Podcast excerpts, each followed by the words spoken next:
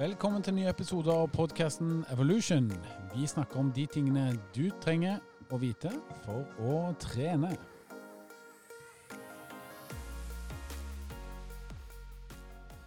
Evolution-podkasten er tilbake. Henning heter jeg og er vert som vanlig. Jeg har med meg da eminente Halvor Rævstad! Der var han, vet du. Og den også eminente Andreas Skjetne. Andreas Skjetne. Vi er på plass eh, denne nydelige maidagen, må jeg vel si. Det er Sola skinner ute her på Østlandet. Jeg har løpt til jobben. Jeg er strålende fornøyd. Snikskryt. Snikskryt, men eh, ganske gode bein. Og nei, de var ikke så gode. Men jeg har i hvert fall fått løpt og fått meg et par kopper kaffe, så jeg er strålende fornøyd og klar for en ny episode. Hvordan er det med deg, Halvor? Får du trent noe om dagen, eller? Ja, jeg sitter og gruer meg til fire runder opp til Tryvann på sykkel i ettermiddag, sammen med noen eldre menn på min egen alder som eh, sannsynligvis kommer til å presse meg så hardt at det går dårlig allerede etter ett drag. Vent litt, skulle ikke den økta egentlig være i går? Mm, nei. Nei, I går okay. var jeg trener for uh, Manglerud Stars eh, 2010-årgang. Ja, absolutt, absolutt. Hvor mange drag er det da dere setter av gårde på når dere skal oppover? Da sykler vi først fra Ekeberg til eh, bunnen av Holmenkollen, eh, og det tar ca. en halv time. Og så skal vi opp til Tryvann, og det tar vel, eh, hvis vi er i bra slag, ca. 20 minutter. Og så skal vi gjøre det fire ganger. Og da er, bare for å si det, 20 minutter er fryktelig dårlig, for de beste i verden de kusker opp der på rundt 13. Mm. Men vi er nesten like raske nedover. Akkurat. Ja, det krever ikke så mye av beina, kanskje. Hvert Det krever mest av magen. i hvert fall bremser nok så du kan stoppe før du triller ut. K90-meteren. Ok, Andreas, da. Du, det gikk rykter her i gangen om at du hadde kjørt noen heftige intervaller i går. Ja, i hvert fall uh, kjørt få. Nei, jeg skal uh, prøve meg på en 3000 meter i morgen, så da må man jo få opp dampen litt. Og en ting som kan være greit hvis man skal teste seg på litt kortere distanser, det er jo å gjøre litt trening som minner litt om det. For det, det er jo sånn at den, den subjektive følelsen, som vi har snakka om før, altså min følelse av eh, hvordan jeg opplever eh, det å presse meg, den, den er trenbar. Og den er veldig tilpasningsdyktig. Så hvis du skal løpe en 3000 meter, så kan det være en fordel å ha hatt det litt kjipt eh, på en treningsøkt eh, noen dager i forveien. Sånn at ikke det er det som hemmer deg fra å prestere bra. Det er vel fordel å ha det kjipt i livet òg generelt, ikke? Sånn at 3000 meter framstår som et lyspunkt. Det er jo faktisk et godt poeng, Halvor. Eh, ja, det er sant, det. Ok, nei, men eh, vi unngår det minefeltet der, og så går, vi videre, vi. For vi har jo da besøk av uh, Halvor sin eh, gode PT-kunde. Ronja hun eh, var jo innom podkasten her sist, og vi fikk jo da et lite innblikk i treningen din. Og du har også trent allerede i dag, selv om vi er på morgenkvisten når vi spiller inn den episoden her. Ja, jeg har det. Jeg var oppe kvart over syv i dag tidlig og tok denne intervalløkten som jeg hadde fått planlagt av Halvor. Ja. Hvordan så den økten ut? Hva gjennomførte du? Det var eh, to minutter, eh, ti runder, og så var det da ett og et halvt minutt pause mellom hver to minutter. Mm. Ja, hvordan gikk det da? Det, det gikk jo greit. Jeg syns jo dette var utrolig kjedelig. Jeg Intervall er ikke min ting i det hele tatt. Men jeg, eh, jeg må jo fullføre det, da. Jeg har jo halvår, så jeg jo Jeg har ikke så veldig mye valg. Ikke sant? Nei, men Det er jo litt sånn interessant på flere nivåer, da. Det er jo ikke sånn helt sikkert at du hadde vært ute kvart over syv og trent disse intervallene, hadde det ikke vært for Halvor. Nei, det hadde jeg ikke. Ikke i det hele tatt. Nei, Så der har du jo virkelig den positive siden av det å ha en personlig trener. Men når du da hadde gjennomført økter, økta, det var jo ikke sånn at du angrer etterpå, antar jeg? Nei, det er jo veldig deilig etterpå. Det er det. Det er jo det uansett hva, hvordan du trener og hva du gjør, så er det jo deilig når du har fullført det. Mm. Uh, men eh, jeg var på trappeløp på Holmenkollen på fredag morgen, og det syns jeg var mye morsommere enn å løpe intervaller eh, i dag. Ja, Hva er det som gjør at det er mer gøy, liksom? Jeg vet ikke, det er mer på en måte press, at du skal opp noen trapper enn at du skal rett fram. Mm. Spesielt for meg så er det tyngre enn å løpe rett, rett fram. Mm. Nei, men Som PT øh, så forstår jeg det, at øh, det er kanskje litt mer øh, litt mer element av lek da, i løping av i løping trapper. At det blir litt mer sånn koordinasjon, litt mer utfordring, mens løping er ikke så teknisk utfordrende sånn i utgangspunktet. Det er jo noe som de fleste kan gjøre øh, sånn sett. Men eh, du sier at det ikke er gøy. Mhm. Hvem har sagt at det skal være gøy? Nei, det er det jo ingen som har sagt, da. Nei? Men man kan jo nyte det litt. Og Ja. jeg nyter det ikke. det er ikke noe Det man bare skyter inn. Det er det samme som sushi. Det er så mange som sier at det skal være godt. Hvorfor skal det være godt? Det er jo bare fisk. Vi er jo inne på noe her at uh, veldig mange har forventninger til at trening skal være veldig gøy. Og jeg tror jo det at uh, det kanskje ikke er så veldig gøy i utgangspunktet, men at det er mestringen som gjør at det oppleves som gøy. Eh, så, så jeg tror at forventningene til at det skal være så veldig morsomt, de må vi kanskje legge litt til side, altså, faktisk. Ja, og så tror jeg, i hvert fall basert på, på det vi erfarer med kunder, da, så det å løpe i trapp er jo eh, en type ATB-øvelse. Du skal jo fra, fra bånn til toppen, og det er nok litt enklere å forstå første gang man møter opp. At oppgaven er å komme seg opp. Det er kanskje ikke så knytta opp mot tid de første gangene. Så det gir nok eh, Altså, det er nok litt enklere eh, å bite over mentalt enn å skulle løpe langs veien, f.eks., basert på noen minutter. Eh, og det har jeg jo sett med en del kunder hos meg, at uh, hvis man løper på friidrettsbanen, og jeg sier at nå skal vi løpe to runder, så er ofte det litt bedre enn å løpe den samme distansen på samme fart rett fram på asfalten. Mm. Så, så jeg tror nok de fleste som ikke har uh, trent sånn veldig mye, de, de syns nok det er greit å ha oppgaver som er litt, litt greie å forstå da i starten. Mm. Og det har jeg full forståelse for. Men eh, selv om du ikke syns det var så veldig gøy, så opplever du jo litt fremgang her da, Ronja, gjør du ikke det? Jo da, jeg gjør jo det. Jeg ser jo at det, det går bedre i forhold til hvor når vi startet med dette løpeprosjektet vårt. Så går det jo mye bedre nå. Så jeg ser jo framgang på det. Veldig bra. Eh, hva er neste oppgave du har fått av Halvor? da? Er det noen eh, nye økter som er planlagt? Noen nye mål? Det er vel en ny intervalløkt om noen dager igjen. Hvis ikke han har glemt å fortelle meg noe, så er det vel det som er, eh, er planen nå. Mm. Supert. Vi gleder oss til å følge deg videre, vi rett og slett. Og vi er jo imponert over hvor bra du har gjort det så langt. Så lykke til, og så gleder vi oss til neste oppdatering. Jo, takk skal du ha. Med det sagt så går vi videre på neste og dagens tema, som er pauser og restitusjon. Og det er jo noe som vi får en del spørsmål om. Altså hvor lang pause skal jeg ha når jeg kjører intervaller? Eh, hvor lang pause skal jeg ha når jeg trener styrke? ikke sant? Så vi skal gå litt inn på det temaet her i dag.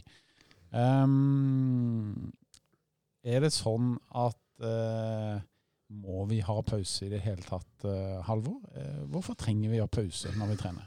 Ja, Det er jo mange grunner til å ha pause, men, men sånn rent fysiologisk er det sånn at eh, når en muskel skal trekke seg sammen og skape en bevegelse, så, så er det jo eh, noen signaler fra hjernen vår som eh, treffer muskelen og, gir beskjed om at nå skal du trekke deg sammen. Og, og den beskjeden eh, den kommer jo så lenge vi ønsker å bevege oss, men på et eller annet tidspunkt så er det sånn at eh, de signalene eh, fra hjernen kan gå til muskelen og si at trekk deg sammen, trekk deg sammen, trekk deg sammen, men på et eller annet tidspunkt så så slutter det signalet å fungere lokalt i muskelen, rett og slett for at da er muskelen trøtta ut. Sånn litt sånn, eh, prøv å si litt avansert, da, så er det sånn at i muskelen så er det noe som kalles kalsium, eller sånne ladde, um, elektrisk ladde atomer som strømmer ut i muskelceller, og som gjør det mulig for muskelceller å trekke seg sammen. Og det skjer hele tida, helt til eh, nervesignalet har holdt på så lenge. Vi har gjort en eller annen styrkeøvelse eller løpt så fort eh, vi kan så lenge at den reaksjonen som skal foregå i muskelen, ikke skjer lenger. Og det kan være etter noen sekunder i styrketrening, eller det kan være etter eh, noen minutter for den saks skyld. Eller f.eks. hvis du løper veldig fort litt for lenge, sånn som Andreas eh, sannsynligvis gjorde i går. Da vil det nervesignalet slutte å ha en effekt lokalt i muskelen. Da har vi jo fått det vi kaller muskeltrøtthet, og da må du ha pause enten du vil eller ikke. Så det kan være av og til lurt, som vi skal snakke om, kanskje ta pause litt før det skjer. Altså at du blir tvunget til å ta pause, men ta pause i forkant av at det skjer, sånn at du faktisk får gjort eh, ganske mye jobb også etter pausen. Mm. Jeg har hørt Andreas, at uh, pausen det er favorittidspunktet ditt i treningen. Uh, ja, det, det er ikke langt unna, faktisk. Det er ikke langt unna. Jeg satt og tenkte på om det går an å forklare det på en veldig enkel eh, måte, men det er jo ikke sånn veldig mange enkle måter å si det på. Men uh, hvis du prøver meg på en metafor her, da. Hvis, det, hvis du tenker deg at du får gnagsår av de skoene du bruker, så er du nødt til å vente til gnagsåret har grodd før du kan bruke de samme skoene igjen.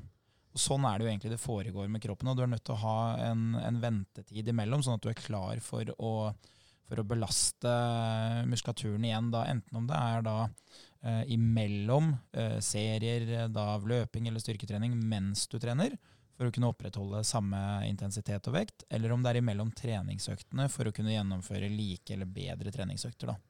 Så pausene er jo helt elementære for å, for å kunne skape fremgang og for å kunne holde høy belastning innad i treningsøktene. Mm. Jeg vil jo skyte inn det at uh, den belastningen som du påfører da muskulaturen, enten gjennom styrke eller kondisjonstrening, det, hvor høy er den? Det er det som gjerne gir et behov for pause. Så når jeg løper 12 km, som jeg gjør i morgen, så jeg løper ikke så veldig fort, så er det ikke noe særlig behov for noen pause underveis.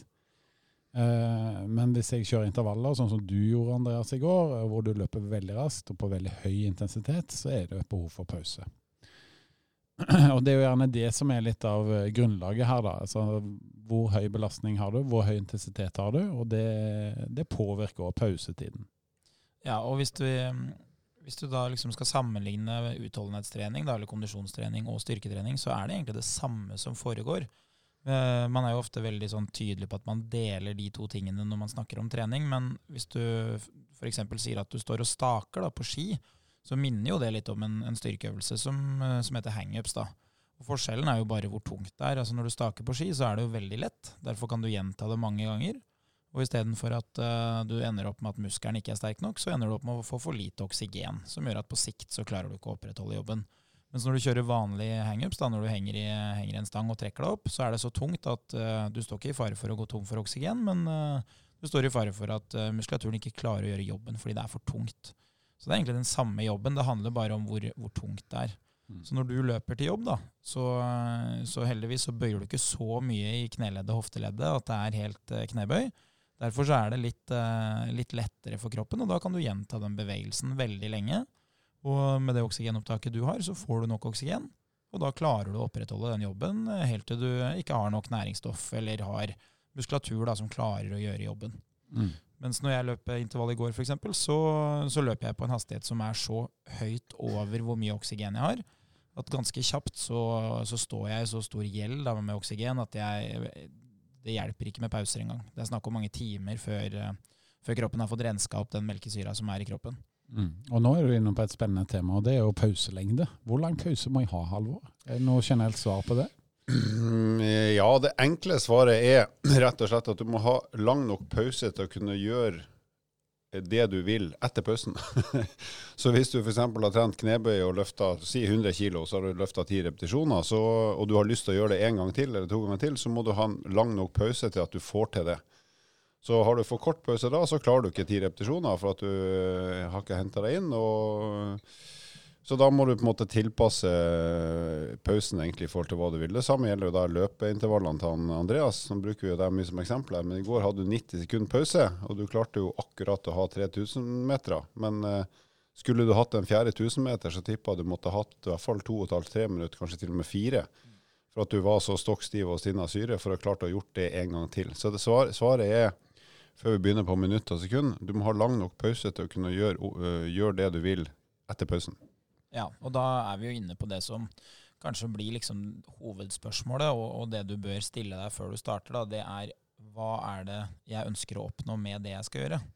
Sånn at uh, både hva du skal trene, uh, hvordan du skal trene det, og hvor lang pause du skal, baserer seg egentlig på utbytte. Uh, nå snakka vi jo da en del om utholdenhetstrening og intervaller. Der er jo mitt mål at hjertemuskelen skal slå såpass mye at det blir god styrketrening på hjertet. Eh, jeg skulle gjerne ha styrketrent hjertet, hjerte, men det får jeg ikke gjort på, eh, med å bruke vanlig klassisk styrketrening, da, for jeg kan ikke legge på vekter på hjertet. Så det må jeg få til å slå flere slag. Og da må jeg løpe fort nok til at hjertet slår. Problemet er bare at når jeg løper så fort, da, så får jeg ikke nok oksygen, og da blir det veldig veldig kort varighet. Så derfor så må jeg legge til pauser underveis i økta, sånn at jeg kan få det til å bli en del minutter hvor hjertet slår mye. og da er jo mitt mål å få hjertet til å slå mye. Og Derfor har jeg pausene. Og hvor lange pausene er, baserer seg også på hvor lenge den økta skal vare. Mm. Så det spørsmålet jeg alltid stiller meg, er hva er det jeg ønsker å oppnå, og, og hvordan skal jeg klare å oppnå det? Ja, eh, men det er ganske tydelig at du har ikke noe problem med å beregne pausetid på den aktiviteten som du skal gjøre, fordi at du faktisk kjenner deg selv så godt som du gjør. da, Men eh, er det ikke sånn at det, det er gjerne en treningssak å vite hvor langt du kan pushe deg selv, uten at det blir for belastende, og, og mm, slik at du, ja, du vet da hva som behøves for den aktiviteten du skal gjøre. Hvis vi skal gjøre det litt sånn eh, både litt fysiologisk og litt sånn hva er, hva er det forska på, og hva vet man helt sikkert. Hvis du tar styrketrening, da, og du tar eksempel i at du, du trener en 8-10-12 repetisjoner tung styrketrening, altså en øvelse kan være nedtrekk eller knebøy eller markløft, hva som helst, hvor lang tid trenger du da på å være sikker på at du klarer å gjøre det en gang til? Og da, da vet vi ganske sikkert at du, kommer til å ta, trenge et sted mellom tre og fire minutter. Og det er den tida det tar for muskulaturen å få bygd opp igjen de her eh, energilagrene som gir energi kjapt. Altså hver gang du gjør et eller annet som er litt tungt eller kjapt, så har du et lite lager med energi i muskulaturen som hjelper deg til å gjøre det med en gang. Og de, mus de lagrene bruker jo uh, i løpet av noen få repetisjoner av styrketreninga, så de trenger litt tid på å bygge seg opp igjen, men ikke veldig lang tid. Så et sted mellom tre til fire minutter kan du være helt sikker på at du er klar igjen til å løfte 8, 10, 12, 14 repetisjoner tungt. Men så vet jo vi, Henning, som trener oss sjøl og andre, at eh, det er ikke alltid du rett og slett tar deg tid til å vente. Det har litt med tidsklem å gjøre og andre ting. Jeg har f.eks. ikke tid til å vente fire minutter før jeg gjør noe mer i treninga mi, for at jeg har kanskje bare 30-40 minutter disp. Så da kan det hende man går litt på akkord med hvor lang, lang pause du tar, selv om du vet at ideelt sett så burde jeg kanskje venta i 3-3,5 minutter. Men i og med at jeg har litt dårlig tid og går litt på akkord med å løfte tyngst mulig, så kanskje jeg kutter ned til to minutter, kanskje ett og et halvt minutt. Og kanskje til og med enda kortere enn det. Vi snakka jo litt om sånne dropsett og supersett her for Mm. noen episoder siden. Sånn at, så man kan, man kan jo trikse og fikse litt i forhold til det som er ideelt for å kunne yte like godt i neste serie eller sett. Så kan man jo eh, kappe litt ned likevel, vel vitende om at ok, jeg, jeg, ikke ha, jeg har, ikke, har ikke det samme trøkket i neste runde, men det er ikke så langt unna likevel. Så det blir ganske brukbart. Nei, som PT selv så vet jeg at hvis jeg skal lage et treningsprogram til noen som de skal gjennomføre på egen hånd, eh, så sier jeg gjerne at de skal ha fire serier og mellom åtte til tolv repetisjoner. Og eh, når jeg sier mellom åtte til tolv, så mener jeg jo ikke at du liksom bare kan velge eh, nå tar jeg åtte, nå tar jeg ti, nå tar jeg tolv, men det som jeg mener er at du skal gå til nesten til utmattelse, da. At den siste repetisjonen du gjør da, det, dette avhenger av mål, selvfølgelig, men for de aller fleste at den siste du gjør, er omtrent den siste du klarer. Eh, og hvis du ikke har tre-fire minutter pause, hvis du kun har ett til to minutter pause, så innebærer det at du kanskje tar tolv repetisjoner på første, du tar elleve på andre og ni på tredje. Og Mm. åtte på fjerde, fordi at du begynner å bli såpass sliten. Og det har litt med pausetiden å gjøre. Ja. Da har du likevel fått tyne deg godt muskulært og fått utvikla mye kraft som gjør at du kommer til å bli sterkere. Og så har du kappa pausetida for å få til ei effektiv økt som er nesten like bra som om du hadde hatt lange pauser. Mm, definitivt. Men er det sånn at eh, noen ganger eh, når man egentlig har fått nok pausetid, så er det sånn at eh, folk tar seg enda litt lengre pause likevel, så at det kanskje sitter litt i hodet, rett og slett. Det er jo litt fristende å kose seg med pausen, da. Eh, særlig hvis man er fornøyd med det man har gjort. Ja. Så er det digg å nyte pausen først for at åh, godt å få fri fra det slitsomme arbeidet. Og så er jo min erfaring at hvis pausen blir litt for lang, så blir man litt sånn sløv mentalt og bare leter etter en unnskyldning til å forlenge pausen, istedenfor Mm. å bare gyve på. Så min kanskje viktigste jobb som trener for både meg sjøl og andre, det er jo å gi den pausen som er lang nok til at du får fortjent hvile og kan kose deg litt med det du har gjort, men ikke så lang at du blir sløv og egentlig ikke har så lyst til å gjøre noe mer. Ja, fordi hvis du drar på et treningssenter og titter på de som trener, så pleier du ofte å se den der typen som sitter med avisen og leser, leser ganske nøye og tar veldig lange pauser. Mm. Det er ikke sånn at det alltid er hensiktsmessig, er det det? Nei, altså det er jo hyggelig, da, men det blir ikke så mye treningseffekt. Så, eh, ta et eksempel. da, Hvis du har en sånn klassisk 4x4 intervalløkt som mange har prøvd på sykkel eller romaskin eller mølle eller hva som helst, så er jo den sånn standardoppsettet på den det er jo tre minutter pause. Og det er tre minutter du trenger for å kunne eh, gjennomføre neste intervall like bra. Hvis du er på et høyt nivå og virkelig tyner det du skal, som er sånn pluss 90% i, i puls eh, nesten hele draget. Eh, hvis du da etter ett drag sier at nå skal du få fire minutter pause, nå er jeg bare basert på egen erfaring, da er min erfaring at da blir pausen så lang at folk begynner å liksom ha lyst til at det skal skje noe. Eh, for etter to, to og et halvt minutt så er du jo mer eller mindre klar, iallfall mentalt og for så vidt også fysiologisk, og så får du enda et minutt. Da er det sånn OK, jeg kan ikke bare sette i gang nå, for ellers så blir jeg bare død og daff. Så den der, eh, min erfaring er heller ha eh, pushe pauselengden litt i forhold til å heller ikke gjøre den for kort, men ikke forlenge den for mye, for da blir det bare et dødpunkt i treninga. Absolutt. Men Halvor, det var jo en sånn spennende studie på pauselengde her i 2016, hvor ene gruppen hadde ett minutts eh, pause, andre gruppen hadde tre minutts pause når de gjorde da eh, knebøy. Men eh, forskjellen på det var ganske stor, var ikke det? Ja, og den, det er jo et av mange studier som viser det her med hvis du, tenk, hvis du kan trene hard styrketrening, der du løfter så å si til utmattelse, og du løfter tungt, eh, så viser det seg at hvis du har tre minutter, eller av og til også opp mot fire, så er du mer eller mindre fullt restituert til å løfte åtte, ti, tolv repetisjoner veldig tungt.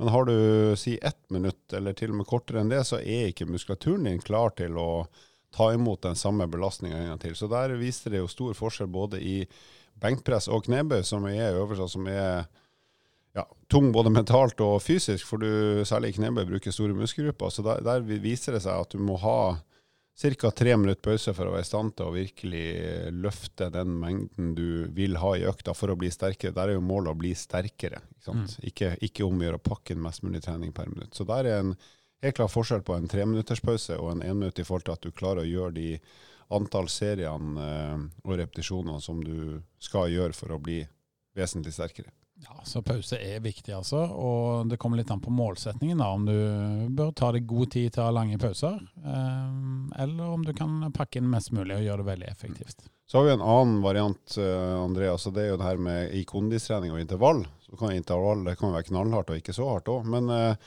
at sånn en grov tommelfingerregel som sannsynligvis kan passe bra for de fleste som i hvert fall skal prøve litt på, eller begynne å teste ut litt eh, varianter, det er at du har en pauselengde som er ca. halvparten av arbeidsperioden din. Så hvis du har en seksminuttersintervall eller tominuttersintervall, så deler du arbeidstida på to, og da har du pause da i ett minutt hvis du har kjørt to eller eh, hvis du har kjørt seks minutter, så har du da tre minutters pause. Som en sånn grov, sånn, et utgangspunkt i hvert fall. Mm. Ja, for hovedforskjellen er jo at når du løper eh, intervaller, eller når du trener kondisjon, da, så, så er det jo pulsen som er styrende.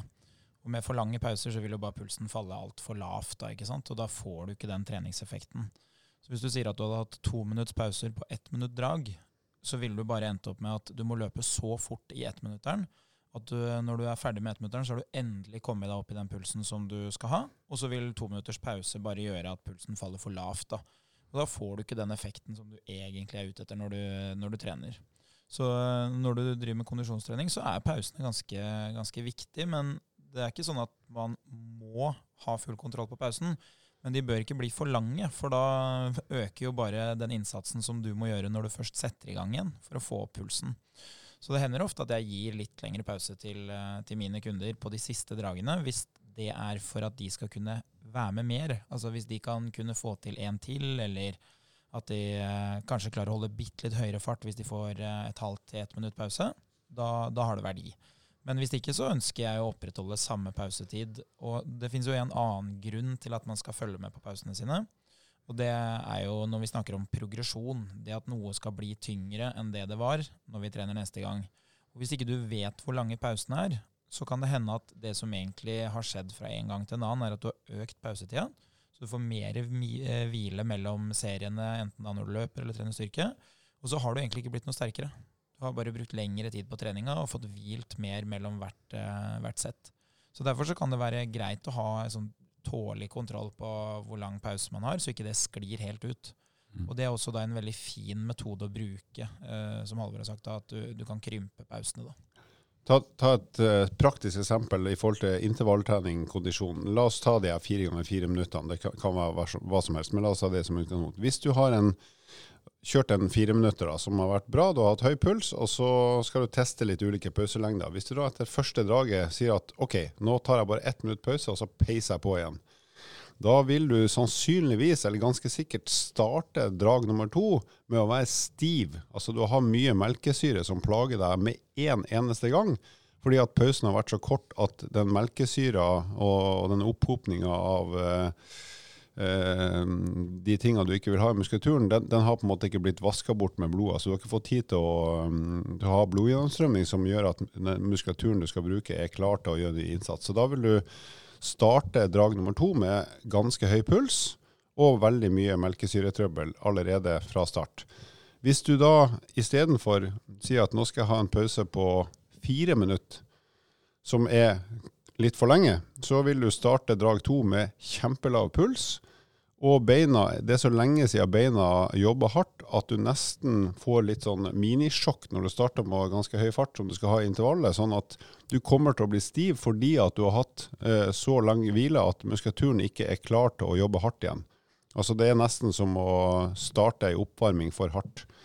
Og så prøv en tredje variant, som er å kanskje ha en pause på ja, si tre minutter, men der det siste minuttet av pausen er å gå ganske fort, eller til og med småjogge litt, bare for å få muskulaturen i gang igjen og få blodgjennomstrømninga til å funke på et bra nivå. Da vil du sannsynligvis oppleve at OK, nå har jeg en kontrollert inngang på, uh, på intervallet mitt.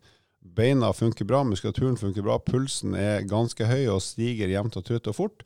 Sånn at i løpet av det første minuttet av det intervallet der, så kjenner du at OK, nå jobber jeg hardt og godt igjen, men jeg har den følelsen jeg skal ha. Jeg vet at jeg kommer til å klare å gjennomføre de fire minuttene. Har du for kort pause, så stivner du for fort.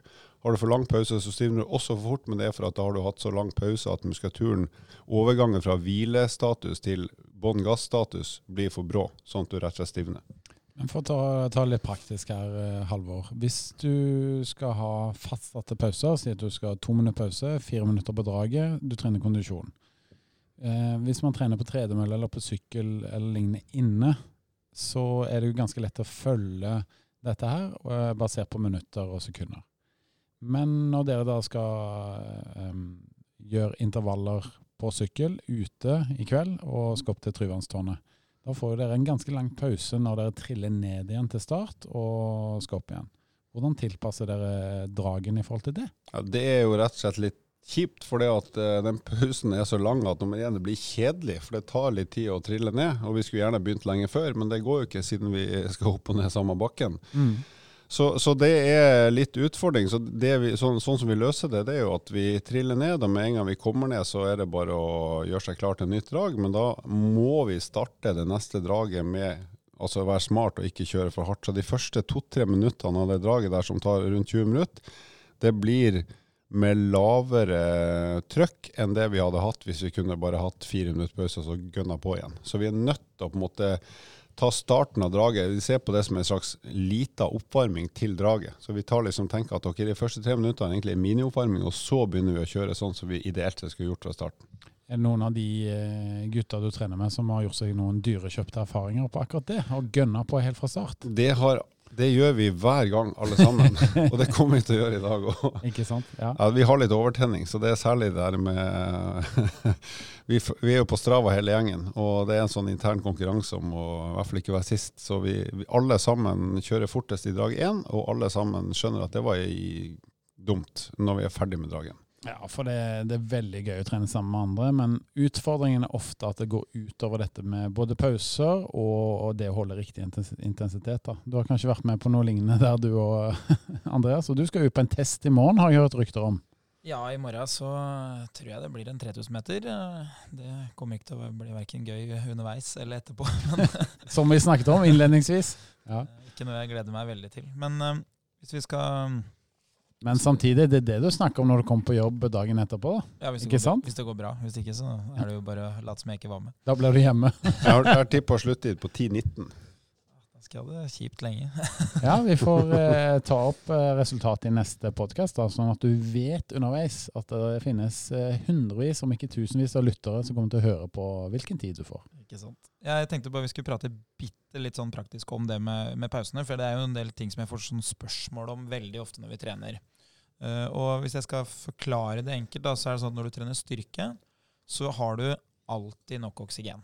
Hvis du trener tradisjonell styrke, der du kjører uh, f.eks. tre ganger ti knebøy, tre ganger ti benkpress, så har du nesten alltid nok oksygen. Så det betyr at selv når du trener, så klarer du å, å puste nok til det du skal gjøre. Men det er den, altså den, lokale evnen til muskulaturen som ikke er bra nok. Kjører du knebøy med vekt på skuldra, så klarer ikke lårmusklene dine å rett og slett gjøre den jobben som du ber om. Det blir for tungt. Men det betyr òg at når du går inn i pause, så trenger du bare hvile for å få ordna opp i den ene muskelen eller de musklene som du bruker. Uh, og da er det jo viktig å være litt nøye på, på pausetida, men der er det sånn at jo lengre pause, jo bedre er det. For da vil du kunne løfte mer. Men så vil ikke du gi for mye tid, for du ønsker å bygge det som heter metabolsk stress, da, som er liksom slitasjen i muskelen. Mens når det kommer til, styrke, nei, til, til utholdenhetstrening, så er det jo sånn at hvis du løper, sykler, går på ski, så har du jo ikke nok oksygen. Altså Du klarer rett og slett ikke å dekke mengden oksygen du trenger, fordi det er så mange muskler som er i aktivitet, og belastninga er lav, men den er jo da veldig gjentagende. Eh, så når du trener eh, utholdenhet, så trenger man rett og slett pausen for å få nok oksygen. Og et godt tips da når du trener kondisjon, det er å ikke stå stille eller sitte i pausene. For mens du løper, sykler, går på ski, så vil kroppen eh, og hjernen sørge for at det vi kaller for ventilasjon, altså hvor ofte du puster og hvor mye du puster, det vil bli tvingt til å holdes i gang. Sånn at eh, hvis du avbryter en joggetur for å gå på do f.eks., så vil du merke at du puster mye mer enn det du trodde du egentlig gjorde. Mens i pausene så er det sånn at idet du slutter å bevege deg, så veit hjernen at ok, nå trengs det ikke like mye oksygen, så derfor så slutter pusten. Så etter allerede sånn 90 sekunder til 120 sekunder så vil eh, respirasjonen den vil da slutte. Og da får du ikke i deg like mye oksygen. Så et uh, godt tips når du skal ha pauser i intervallene dine, det er å bevege seg.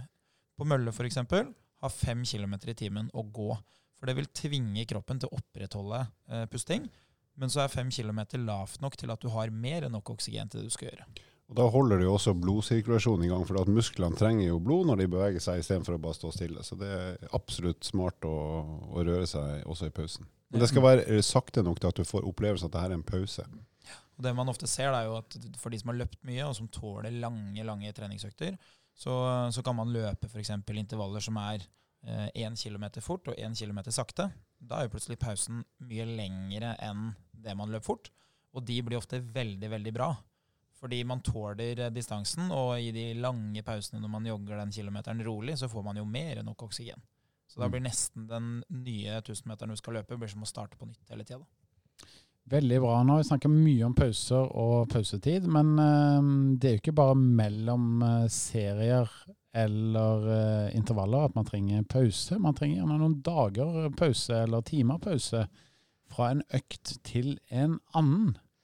Og det er jo viktig å huske på ikke sant? Mange lurer sikkert på er det sånn at det kan bli overtrent hvis jeg trener hver dag. hvor ofte kan jeg trene hardt? Eh, når bør jeg trene rolig osv. Det er jo et helt eget tema, men eh, jeg tenkte vi skulle touche litt innom det. Kan jeg trene hver dag, Halvor? Ja, det kan du. Men være, du må jo tilpasse i forhold til nummer én hva du er vant til fra før. Altså treningstilstanden din, og også hva slags type trening du har. Så hvis vi tenker en som bare trener styrketrening, eh, og som er i sånn normalt grei form, så vil det være ulurt å trene knallhard knebøy eller beintrening hver eneste dag. For du ødelegger jo muskelen, muskulaturen mus mekanisk. altså Du river i stykker muskelfibrene når du trener hardt. Og de må få lov å bygge seg opp igjen til de, sånn at de er klare til å ta imot en ny belastning som eh, er ganske tung. Så sånn grovt sett, da, nesten uansett treningstilstand, så vil jeg si at det bør i hvert fall gå to, kanskje til og med tre døgn mellom hver gang du trener i muskelgruppe hardt. Eh, altså sånn med tunge, altså tung belastning og kanskje ikke så mange repetisjoner, men rett og slett hard mekanisk belastning. Sånn mm. åtte, ti, tolv rep som er ordentlig tung. Så to, minst to, og kanskje til og med tre døgn mellom hver gang man gjør det. Og Så kan man jo variere med kanskje en hard dag, en lettere dag. Og man kan trene i ulike muskelgrupper. Så det er mange måter å variere på. Men det, det, det er smart å, å, la muskulaturen få lov å reparere seg og bli sterkere. For ellers så virker jo ikke treninga. Da ender du opp med bare å bryte ned og bryte ned, og da blir det bare veikere og veikere. Og så er det veldig lurt å si at trening det har alltid noen sånne uh, ting med seg som man skal ta, ta, på alvor. Og det er liksom at individet, den formen du er i, det har mye å si. Og målsetningen, nemlig hva er det du ønsker å oppnå. Så alt blir liksom litt sånn generelt ut ifra de to punktene. Men eh, det du sier er jo veldig fornuftig, da. Men hva med kondisjonstrening? Kan jeg, kan jeg trene kondisjon hver dag, Andreas? Det som er veldig, veldig rart da, for mange, er jo at jo bedre trent du er, jo kortere tid tar det før du er klar for å trene igjen. Sånn at uh, det man kaller for restitusjon, da, altså hvor mange timer tar det før jeg kan trene igjen, det vil bare bli kortere og kortere i takt med at man blir i bedre form. Så de, de aller beste løperne de har nok en 12-14 treningsøkter i uka, så de trener jo da to ganger om dagen i snitt. da. Så det betyr at man kan egentlig holde på veldig mye. Det som blir dilemmaet for den som er godt trent, er jo uh, hvor mye kan man trene hardt. For uansett hvor uh, god form man blir i, så, så, ser man at man bør ha, som Halvor sier, da, en, en 48 til kanskje 70 timer mellom de aller tøffeste øktene. For uh, selv om det er beina som brukes når du løper, litt overkropp når du går på ski f.eks., så er det jo hjertemuskelen som i stor grad er belastninga når du driver med intervall. da. Det er jo den som er begrensninga. Så hvis man varierer på lett og tung trening, så kan man trene mye. Men uh, i forhold til hvor mye, så er det veldig avhengig av hvor uh, godt trent du er. Jeg eh, ville nok vært tilbøyelig til å sagt at uh, helt i starten, for den som ikke har trent noen verdens ting, så ville jeg i hvert fall hatt én dag imellom. Sånn at jeg kanskje ikke ville starta noe særlig mer enn en tre til fire økter i uka hvis du ikke har trent. Mm. Og da variert godt mellom da at man går tur, løper litt og har litt styrketrening annenhver gang.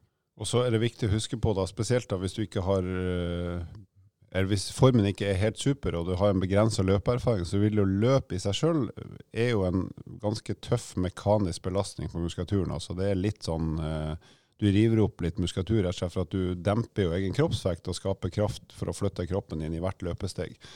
Så hvis du skal ha kondisjonstrening der du tenker at nå skal jeg begynne å løpe, så løp gjerne, men ha en alternativ aktivitet som kan være roing eller ellipsemaskin, eller i hvert fall å gå rolige turer, sånn at du ikke ender opp med å løpe muskulaturen din i stykker hvis du ikke er vant til å løpe fra før. Så er du fersk eh, som løper, så si at du løper har i hvert fall ett til to døgn hvile mellom hver gang du løper eller jogger. Så, eh, og vil du trene med det i starten, så gjør noe alternativt som ikke belaster muskulaturen så mye. Altså en, en aktivitet som ikke er støtdempende, type sykkel eller lipsemaskin eller noe sånt.